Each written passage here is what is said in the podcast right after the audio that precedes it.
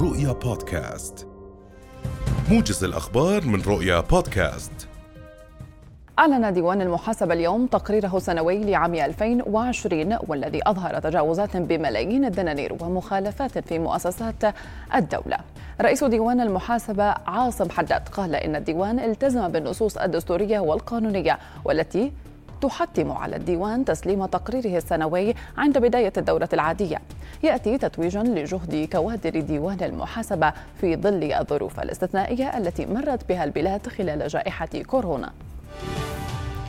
أطلقت وزارة التخطيط والتعاون الدولي واللجنة الاقتصادية والاجتماعية لغرب آسيا وبتمويل من الأمم أو منظمة الأمم المتحدة للطفولة في الأردن يونسف نموذج التوازن العام القابل للحساب لتحليل أثر السياسات الاقتصادية وتحديد أولويات الاستثمار.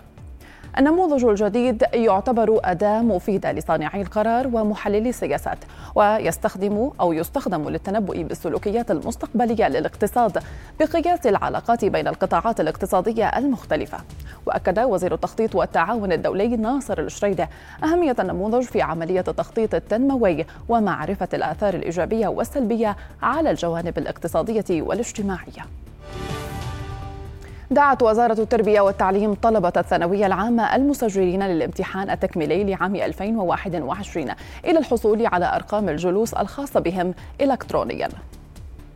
وقالت الوزارة أنها ستقوم بتفعيل الرابط يوم غد وعندها يستطيع المشترك معرفة رقم جلوسه ومعرفة معلومات القاعة عن طريق إدخال رقمه الوطني.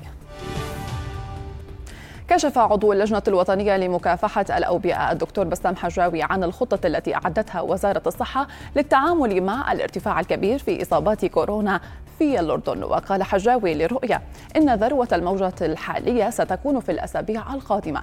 ومن المحتمل أن ترتفع نسب الإشغال في المستشفيات مبينا أن الخطة معدة للتأكد من جاهزية المستشفيات الحكومية والخدمات الطبية والميدانية. ومدى الحاجة للاستعانة بالمستشفيات الخاصة.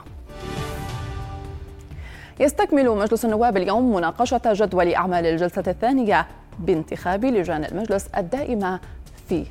واختار مجلس النواب أمس أعضاء لجنتيه المالية والتوجيه المعنوي والإعلام والثقافة وكذلك الاقتصاد والاستثمار للدورة العادية الأولى. وشرع المجلس منذ الاثنين بانتخاب أعضاء لجانه الدائمة سندا لأحكام المادة الثامنة والثلاثين من النظام الداخلي للمجلس. قال المدير العام لصندوق المعونة الوطنية بالوكالة أمين عام وزارة التنمية الاجتماعية برج الضمور اليوم إن فتح باب التسجيل لبرنامج الدعم التكميلي تكافل واحد سيبدأ بداية كانون الأول المقبل. وأكد الضمور أن خمسين ألف أسرة جديدة ستستفيد من برنامج الدعم التكميلي تكافل واحد.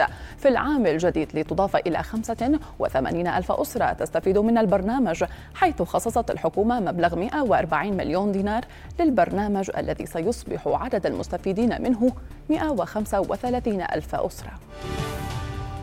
عربيا قالت الأمانة العامة لمجلس الوزراء إن رئيس وزراء السودان عبد الله حمدوك سيراجع التعيينات والإعفاءات التي أجراها الجيش مؤخرا في مناصب رئيسية في الدولة.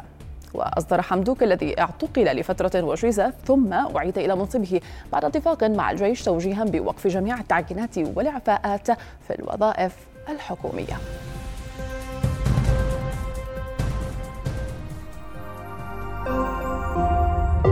رؤيا بودكاست.